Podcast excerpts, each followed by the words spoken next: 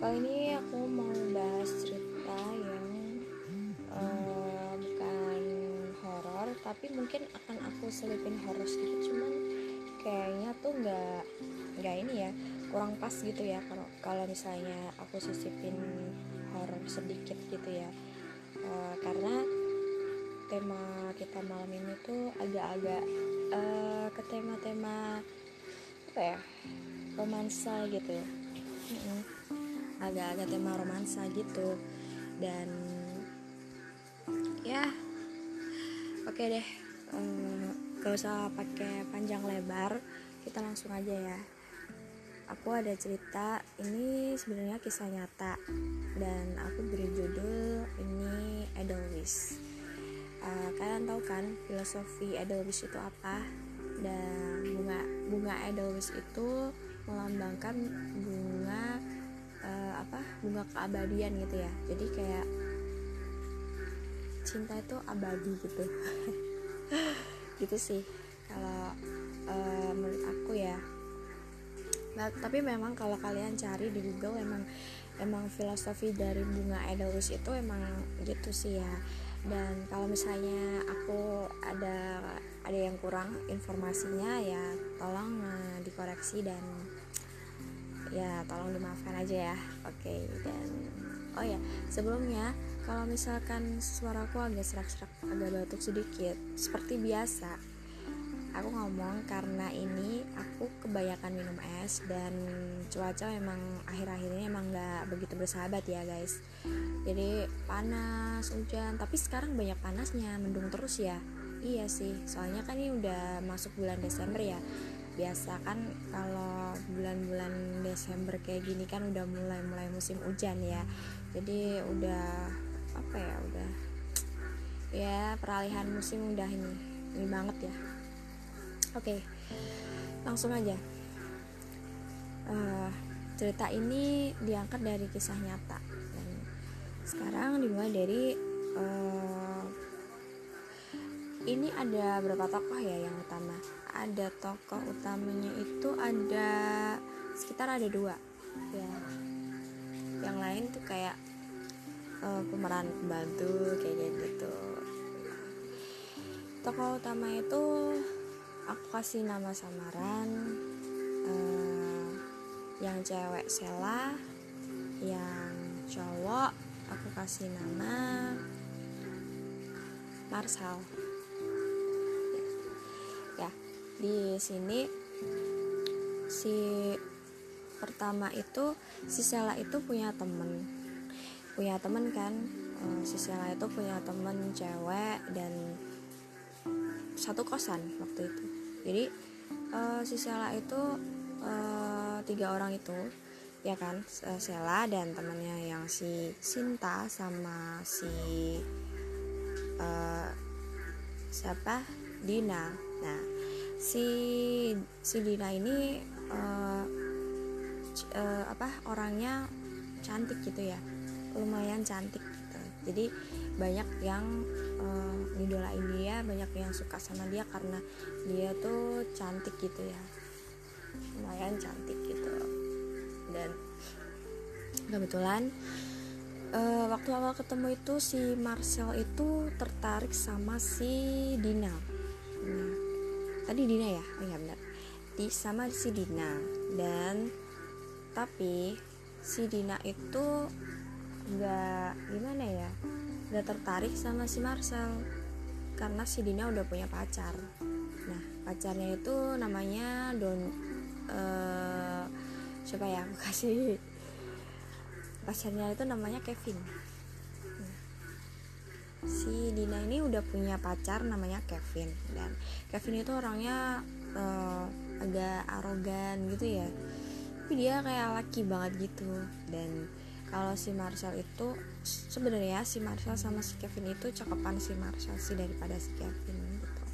Dan banyak sih yang suka sama si Marcel sebenarnya. Cuman emang orangnya itu karakter si Marcel ini uh, orangnya agak puitis dan jernih gitu. Jadi kayak agak aneh gitu. Dia ganteng sebenarnya tapi agak agak aneh gitu ya.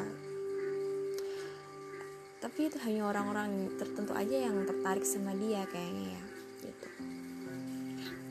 Nah singkat cerita si Marcel deketin si Nina. Dan tahu kan uh, si Kevin itu tahu kalau si Marcel tuh mau deketin si Dina gitu dan si Kevin nggak terima kan. Udah. Akhirnya si Marcel tuh mundur dan setelah mundur uh, si si Salah ini kan udah udah udah gitu kan lerai gitu. Jadi kayak penengahnya gitu ya si sebenarnya si Salah sama si Sinta ini gitu. Dan nggak tahu kenapa uh, selang seminggu atau selang dua minggu gitu ya itu si si Salah itu tiba-tiba sakit. Tiba-tiba sakit dan sakitnya demam dan kayak cacar gitu ya. Dia sakit sudah udah hampir empat harian gitu ya. Ya empat hari lima harian gitu. Dan anehnya tahu-tahu tuh uh, si siapa? Si Marcel itu tahu-tahu kirim pesan sama si Sela gitu. Eh aku mau ke situ nih gitu kan. Kamu mau apa gitu kan. Aku beliin di warteg sebelah kos gitu kan. Ah gak ya apa deh gitu. Terserah kamu kan. Gitu aku juga nggak doyan makan gitu kan. Oke okay, gitu kan. Tahu-tahu si Marcel tuh datang ke kosannya si Sela dan tahu-tahu dia bawa apa? Bawa nasi telur balado. Padahal si Sela itu nggak boleh makan makan ya amis-amis kayak gitu. Ya udah nggak jadi. Nggak jadi di dimakan tapi dimakan nasinya doang. Cuman lauknya buat teman-temannya yang satu kos itu. Karena ya kamu gini sih aku kan eh, nggak uh, boleh makan yang amis-amis. Kenapa kamu? Oh iya lupa gitu kan. Terus apa ya terus si nggak ya awal dari itu semua anehnya tuh si Sela itu kok ini dia aneh banget ya? Tiba-tiba jengukin aku terus kasih aku gitu ah udahlah paling dia cuma memang emang mau jenguk niat baik gitu kan ya orang temennya sakit gitu kan pikirnya si Sela tuh kayak gitu. Nah terus selang beberapa hari kemudian kok makin deket makin deket. Dia makin kayak deketin Sela gitu. Dan Sela tuh juga juga ngerasa kayak gitu gitu. Sebenarnya tuh Sela udah mulai ada rasa sama si Marcel waktu itu ya. Kalau Marcel mungkin iya. Tapi karena si Sela nggak boleh sama teman-temannya karena menurut teman-temannya si Sela itu termasuk si Dina dan Sinta. Kalau si Marcel itu agak player orangnya. Karena kemarin gini kemarin aja ngebet sama si Dina sekarang deketin lo gitu kan. Terus dia maksudnya apa? Apa mau mainin lo gitu? Udah nggak usah deket-deket sama dia gitu. Tuh dan udah uh, ya udah deh gitu terpaksa si Sela ya udah nurutin teman-teman apa kata teman-temannya gitu. Dan sebenarnya sih waktu waktu nggak nggak dibolehin itu posisi saat itu tuh si si Marcel itu lagi sakit di kosan dan dia juga butuh support dari si Sela sebenarnya ya. Tapi karena terhalang oleh teman-temannya si Sela jadi Sela nggak jadi jengukin si Marcel gitu. Padahal si Sela itu niatnya baik mau ngasih makanan sama obat gitu sama si Marcel di kosan gitu. Soalnya kan sebelum-sebelumnya itu abis si Sela sakit itu si Marcel sering banget uh, main ke kosannya si Sela gitu. Sering main gitar bareng di atas loteng kayak gitu. Ya pokoknya kayak drama-drama Korea gitulah pokoknya romantis gitu deh. Nah itulah pokoknya ya dan ini beneran kisah nyata. Dan oke okay, lanjut ya. Setelah itu uh, pindah kan pindah kos gitu kan. Tahu-tahu si si siapa? Si uh, Marcel sama si uh, Dina eh Dina bukan. Sama si Sela itu nggak tahu kena nggak taunya itu jadi satu kos gitu. Padahal yang waktu dulu itu kan beda kos kan ya ceritanya. Kalau sekarang itu jadi satu kos cowok cewek gitu. Dan uh, anehnya lagi si si temennya si Sela itu yang satu kamar yang beda. Sekarang namanya si Ika. Si Ika ini ternyata juga diam-diam tuh naksir sama si Marcel gitu nah pada saat itu si Sela itu sebenarnya bingung gitu. Ini kalau setiap si Sela deket sama si Marcel itu si kayak itu kayak gelagatnya kayak cemburu gitu. Nah kan si Sela itu kan uh, juga cewek kan ya. Jadi uh, tahu kan ya perasaan cewek kayak gimana sih kalau cemburu dan gerak geriknya si Ika itu kelihatan banget kalau nandain uh, si waktu si Marsha sama si Sheila tuh deket tuh kayak gimana gitu.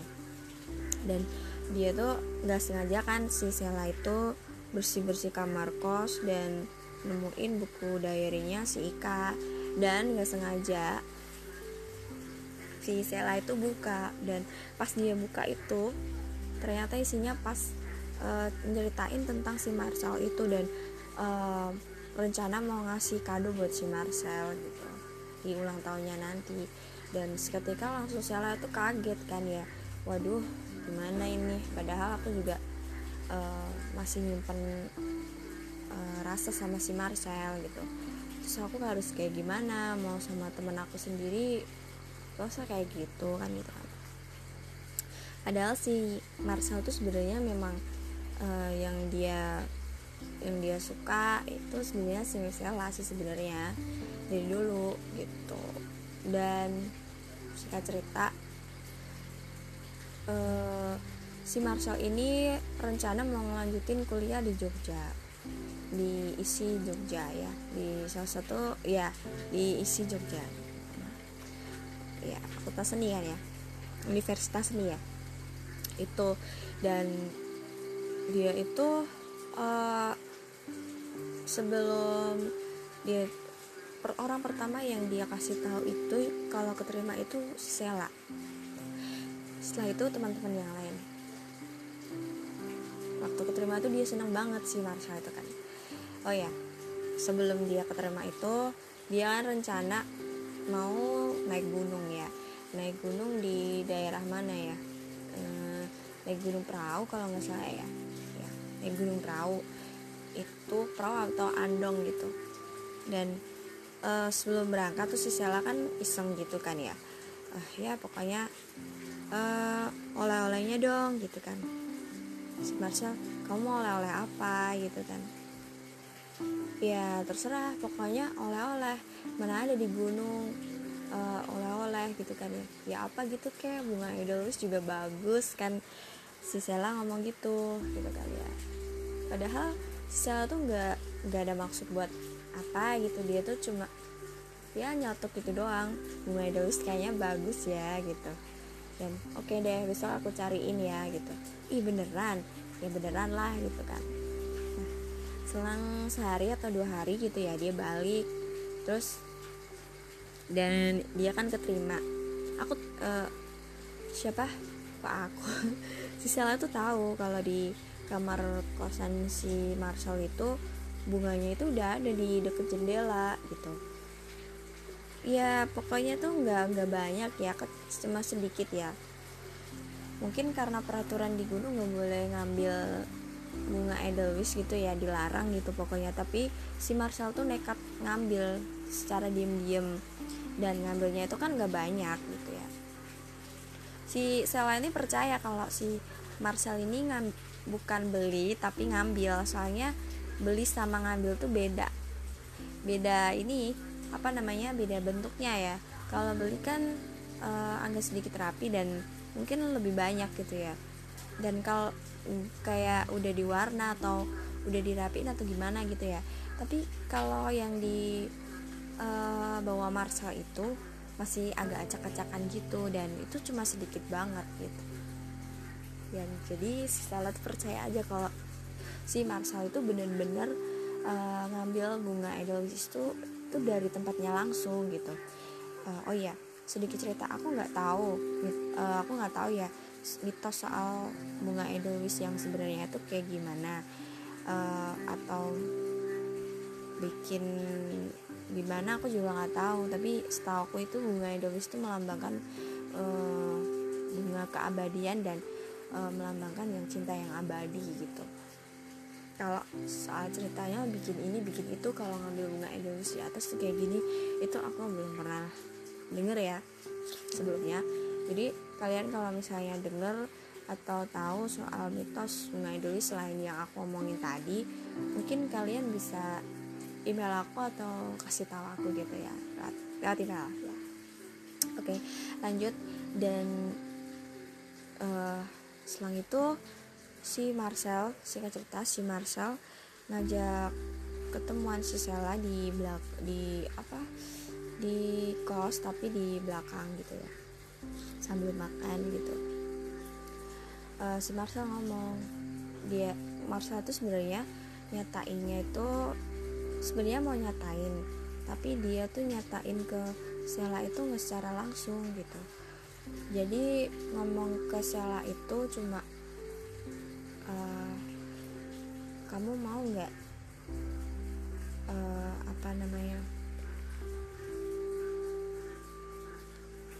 aku pengen kamu jadi uh, sehari buat aku gitu uh, di hati aku gitu kan. Terus si Sela sontak mungkin salah paham ya waktu itu si Sela. Jadi apa cuma sehari doang. Kayak si Sela tuh pemikirannya waktu dulu itu ah wah aku dipermainin nih cuma sehari doang gitu. Apa cuma sehari doang? Aku nggak mau gitu kan ngomongnya si Sela. Walaupun semenit aja aku juga nggak mau gitu. Padahal kalau dipikir-pikir jawaban si Sela itu nyakitin hatinya si Marcel banget ya waktu itu. Jadi nolaknya itu nolak gimana ya? Ya pokoknya gitulah. Dan antara si Sela itu bingung juga ngomong kayak gitu tuh antara dia tuh mikir si Ika tadi yang bener-bener suka sama si Marcel gitu. Jadi si Sela ini serba salah gitu. Jadi dia mau mentingin perasaan dia atau mentingin perasaan temennya kan dia deket banget kan ya si Sela sama si Ika itu si Ika itu juga orangnya baik banget soalnya gitu nah, gitu sih terus niatnya si Marshall mau ngasih bunga edelweiss itu ke ke si Sela tapi dia langsung gak jadi karena denger jawaban si Sela kayak gitu ke Marshall dan di situ si Ma, si Sela tuh sebenarnya benar-benar sakit hati sakit banget sebenarnya waktu itu waktu ngomong kayak gitu ke Marcel sebenarnya. Antara dia juga sebenarnya pengen sama si Marcel dan antara kenapa sih Marcel harus ngomongnya kayak gitu? Kenapa nggak uh, ngomongnya nggak usah sehari gitu? Ternyata keesokan harinya si Marsha tiba-tiba udah gak ada di kos. Dan dia ninggalin gitar sama bunga Edelweiss yang di pojokan dekat jendela. Sonas terus si Sela langsung ya ampun gini amat ya kenapa sih nggak nggak pamit atau gimana? Langsung pergi dan dia langsung pergi ke Jogja gitu buat nerusin uh, apa namanya nerusin kuliahnya yang di Jogja. Dan dari situlah si Sela berpikir ah, mungkin ini jawaban yang semalam kali ya yang yang dia bilang sehari. Karena mungkin uh, dia pengen gak mau nyakitin hati Sela. Kalau misalnya uh, gak sehari kan maksudnya si Marsha udah gak ada di sampingnya terus gitu. Nah takutnya si Sela nanti um, ngerasa kayak ditinggalin gitu. Mungkin maksud si Marcel kayak gitu ya tapi si Sela kayak salah nangkep gitu. Dan selang uh, beberapa tahun dua tahun gitu kayaknya ya itu masih kontek-kontekan baik eh kamu gimana kabarnya? Si Sela dan si Marcel lewat sosial media gitu kan ya. Oh iya sampai si Sela juga udah punya pacar sampai dua kali ganti dan eh, nggak uh, tahu kalau si Marcel udah punya pacar atau belum uh, karena orangnya agak sedikit tertutup kayak gitu ya. Dan uh, apa ya pokoknya itu kontek-kontekan terus hilang gitu. Kayak kapan main ke Jogja? Kapan main ke Solo? Udah kapan-kapan ya kalau aku uh, senggang longgar gitu. Oke okay, gitu kan. Terus dan uh, ini yang part bener-bener sedih ya dan dan ini si satu selang berapa tahun ya? Setelah itu selang 4 tahun selang 4 tahun terakhir kontekan itu berarti tiga bulan atau empat bulan eh tiga bulan eh dua bulan sebelum si Marcel meninggal. Itu terakhir si Sela dan si Marcel kontek-kontekan bareng lewat uh, eh, DM Instagram gitu. Terakhir kalinya mereka kontak-kontakan dan uh, itu pesan terakhirnya. Dan waktu itu si Sela kaget banget dengar berita kalau si Marcel tuh uh, apa kecelakaan dan meninggal gitu. Benar-benar si Sela itu kaget setengah mati nggak percaya dan akhirnya memang teman-teman bilang begitu dan ya masih Sela masih nggak percaya dan nangis dong dia karena dia tuh ngerasa kayak bersalah banget gitu. Pokoknya dia kayak inget yang dulu ya ampun aku dulu pernah nyakitin dia kayak gini aku belum sempat ketemu belum sempat minta maaf ke dia kenapa sih kok harus uh, dia duluan kayak gini gitu. Pikirnya si Sela tuh kayak gitu. Padahal niatnya si Sel itu kalau ketemu sama si Marcel itu kan ya itu dia tuh mau minta maaf soal yang waktu dulu itu yang pernah dia omongin uh, ke Marcel gitu. Dan uh, rumahnya kebetulan jauh dan si Stella itu pengen banget sebenarnya uh, melayat dan ziarah ke makamnya sebenarnya. Tapi karena kebentur jarak yang jauh rumahnya maksudnya beda daerah lah ya ini. Bukan beda ini ya beda provinsi juga.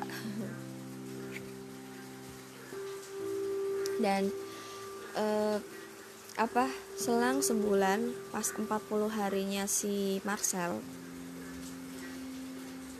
itu si Sela dimimpiin si Marcel berturut-turut.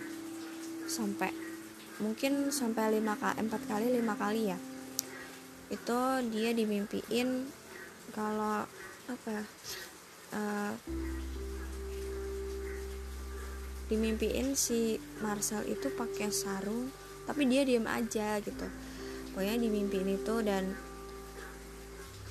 dia mau sholat gitu. Tapi mukanya itu kayak nggak kayak kusut gitu. Terus mimpi yang kedua dan itu berturut-turut mimpi yang kedua itu si Marshall itu ngambil baju. Ngambil baju kan dan pokoknya ngambil lempitan baju. Terus yang paling atas itu baju yang pernah dikasih si Sela waktu uh, dulu di kosan.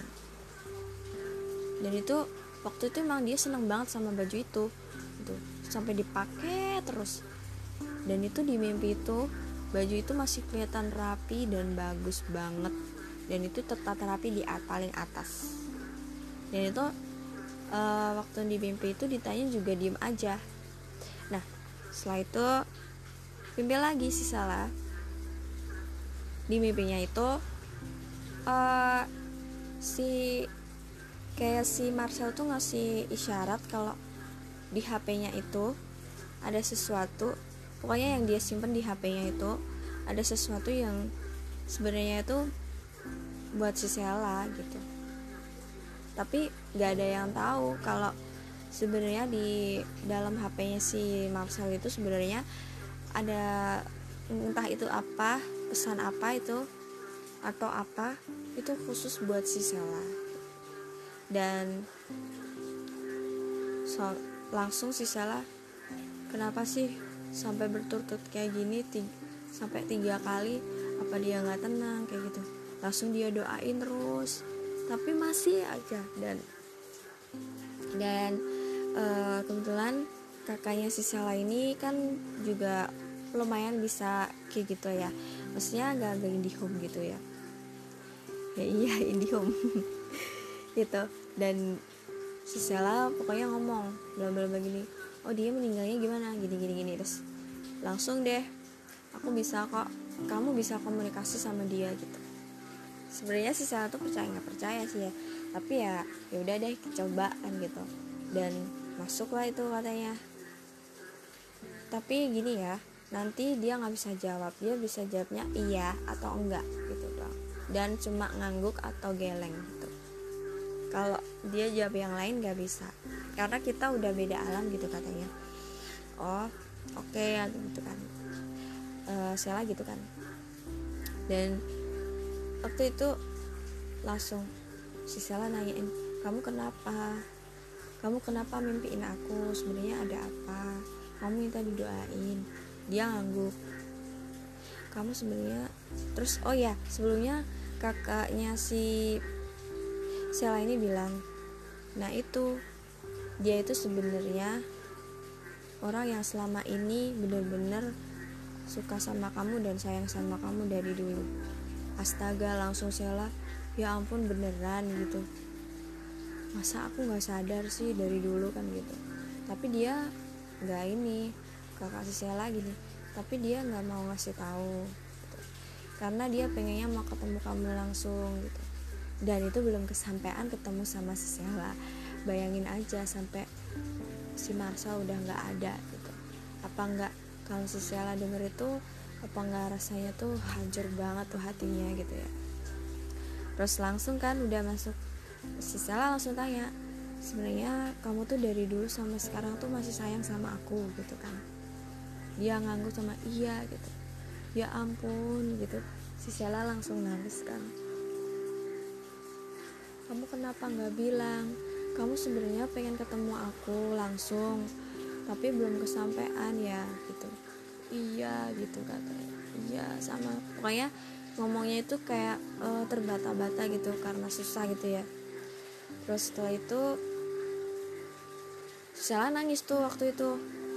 Dan si Sala bilang ya udah kamu sebenarnya belum belum ikhlas ya udah ini duluan gitu. Iya gitu kan. Dan agak sedikit kayak nangis gitu si Marcelnya gitu. Terus ya udah uh, kamu akan kamu selalu aku doain tenang aja. Aku selalu doain kamu biar kamu tenang di sana. Udah kamu ikhlasin semuanya aja. Aku udah maafin kamu dan aku sebenarnya juga dulu sayang sama kamu gitu. Udah kamu ikhlasin aja semua gitu. Terus dia ganggu. Di situ udah kan dan aku masih nangis tuh. Kakakku juga ikut nangis gitu. Katanya dia kasihan banget. Dia tuh sebenarnya belum ikhlas. Belum ikhlas kalau dia tuh uh, meninggal gitu ya karena itu sudah takdir dari yang maha kuasa ya. Jadi kita kita tuh nggak bisa ngubah takdir itu. Hidup mati jodoh rezeki itu udah ada yang ngatur ya. Uh, mau umur kita kapan kalau kita udah uh, waktunya udah dipanggil ya ya udah gitu. Memang batas waktu kita di dunia itu emang udah segitu doang gitu. Jadi kita nggak bisa ngubah itu itu sih. Dan uh, setelah itu selang sehari setelah kejadian itu si Sela langsung dimimpiin si Marsa lagi. Dan mimpinya itu si Marsha tuh pakai baju putih-putih pakai baju putih-putih pakai baju koko putih-putih. Dan dia tuh kelihatan bersinar gitu dan cakep banget gitu lihatnya ya ampun cakep banget gitu kan. Cakep banget uh, terus kayak cerah bersinar gitu mukanya gitu. Sama dia sambil senyum gitu. Terus aku liatin apa ya? Terus Marcel kan gitu kan ya si Sela. Marcel kamu? Gitu kan. Si Marcel cuma senyum aja. Tahu-tahu udah bangun. Si Sela menitikkan air mata lagi gitu dan dia bilang alhamdulillah kalau mungkin ini dia sudah udah udah tenang di sana gitu ya. Gara-gara kemarin udah didoain dan disempurnain sama uh, kakaknya si Sela itu gitu. Dan itulah singkat cerita uh, dari cerita Edelweiss yang aku kasih judul Edelweiss karena semuanya itu mungkin berawal dari bunga Edelweiss dan cintanya itu abadi tadi. Karena cintanya si Marcel itu ke Sela itu sampai dibawa mati gitu. Gitu sih. Dan kita kembali lagi kalau soal takdir itu kita nggak bisa ngubah. Takdir itu udah dituliskan masing-masing ya. Jadi jodoh rezeki maut mati itu udah ada yang ngatur dan apa mau bagaimanapun caranya kalau kita udah waktunya ya udah tadi gitu. Dan kita sebagai manusia yang masih hidup harus bisa mengikhlaskan sesuatu dan mengambil hikmahnya itu, dan uh, cerita ini bisa bikin buat inspirasi kita juga bisa dan buat pelajaran kita juga bisa. Dan kita bisa ambil sisi positif positifnya dari cerita ini sih menurut aku ya. Karena ini bener-bener real dan kisah nyata. Kalau menurut aku sih uh, kisah ini kalau dijadiin film pendek ataupun novel tuh bagus loh sebenarnya tapi akhirnya tapi set ending sih bakalan set ending cuman ini bener-bener cerita yang bagus kalau menurut aku gitu.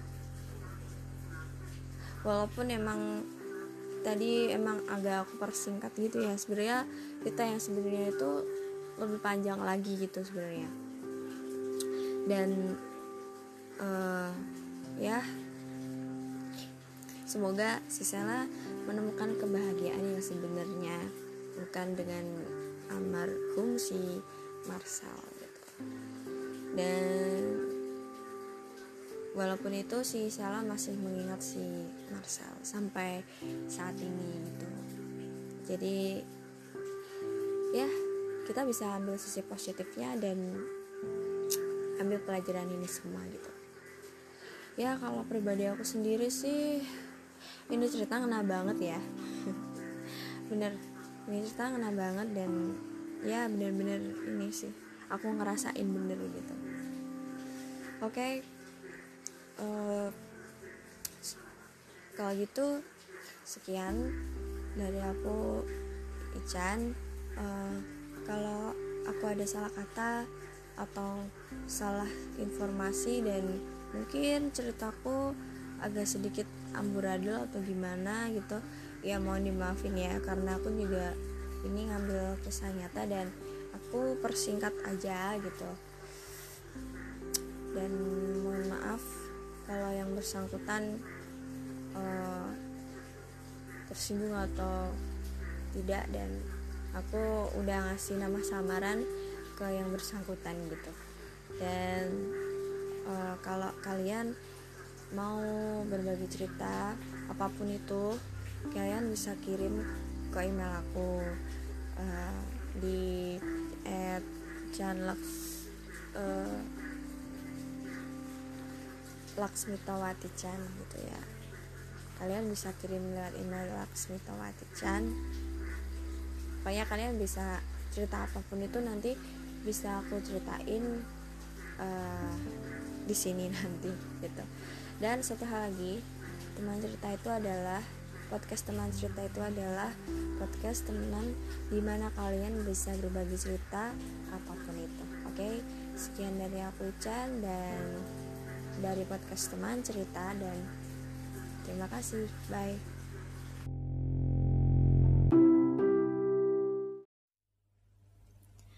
Tenggelam